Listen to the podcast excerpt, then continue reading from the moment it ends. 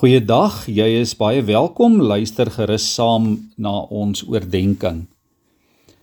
In Lukas 23 vers 42 kry ons hierdie baie bekende woorde van die misdadiger aan die kruis langs Jesus. Dis eintlik 'n gebed wat die misdadiger bid as hy sê: "Jesus, dink aan my wanneer U in U koninkryk kom."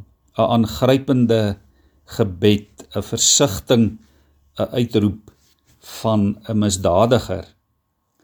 Dit was die bekende Richard Foster wat gesê het: Ons moet ophou dink dat God deel van ons lewe is en besef dat ons deel van sy lewe is.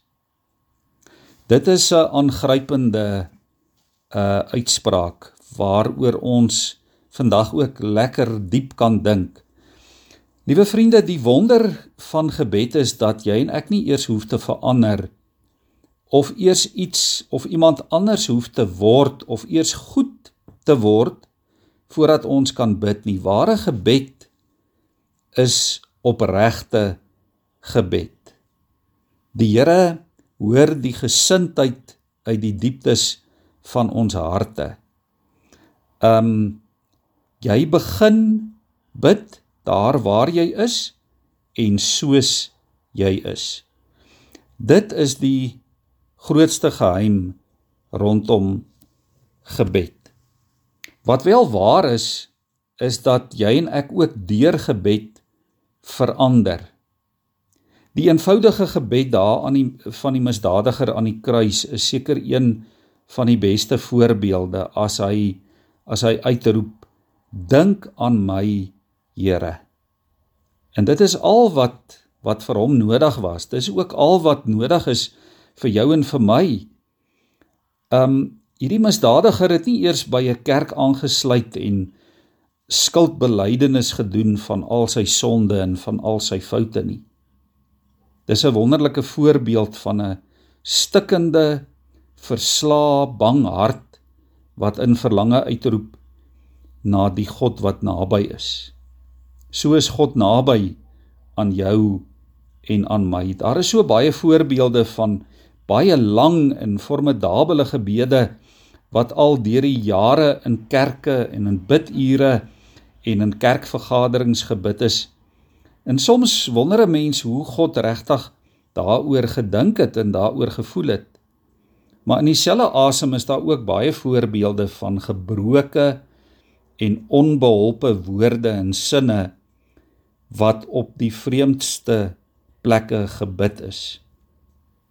Ons almal ken ook die storie van die oom wat elke aand tot die Here gebid het en gesê het: "Here, dis Koos wat praat." Elke aand dieselfde woorde. Hy kon nooit verder kom nie of verder gaan nie. Elke aand gebid en gesê: "Here, dis Koos wat praat. Hy het net nie woorde gehad vir meer nie. Totdat die Here een aand vir hom antwoord en sê: "Koos, dis die Here wat luister."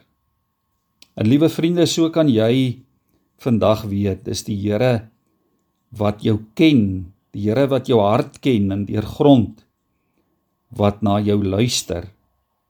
Al is dit net 'n enkele woord wat jy uitroep, 'n noodkreet 'n enkele kort belydenis dan hoor die Here dit.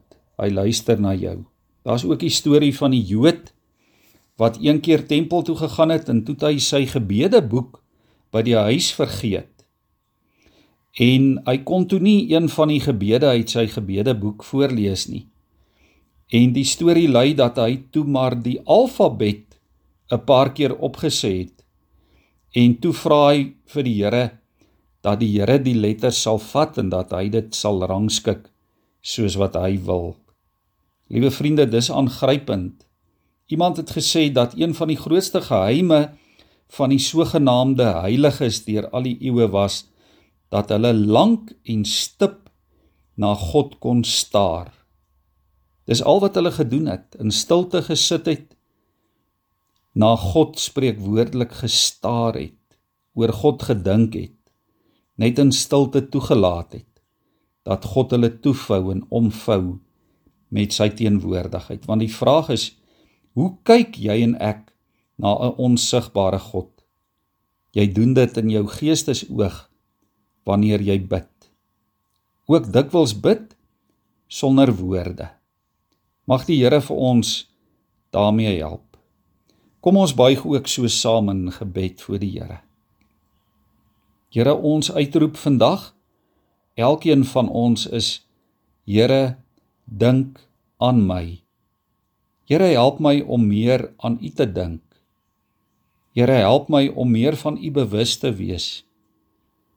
Here, ek wil graag saam met U lewe. Ek wil by U wees. Ek wil naby U wees, Here. Vergewe my vergewe my onbeholpe woorde en Here sien my hart raak. Ja Here, daar is baie donker kante en kamers in my hart. Maar sien die opregte kant wat na U smag. Ek soek Here, ek vra en ek klop. Amen.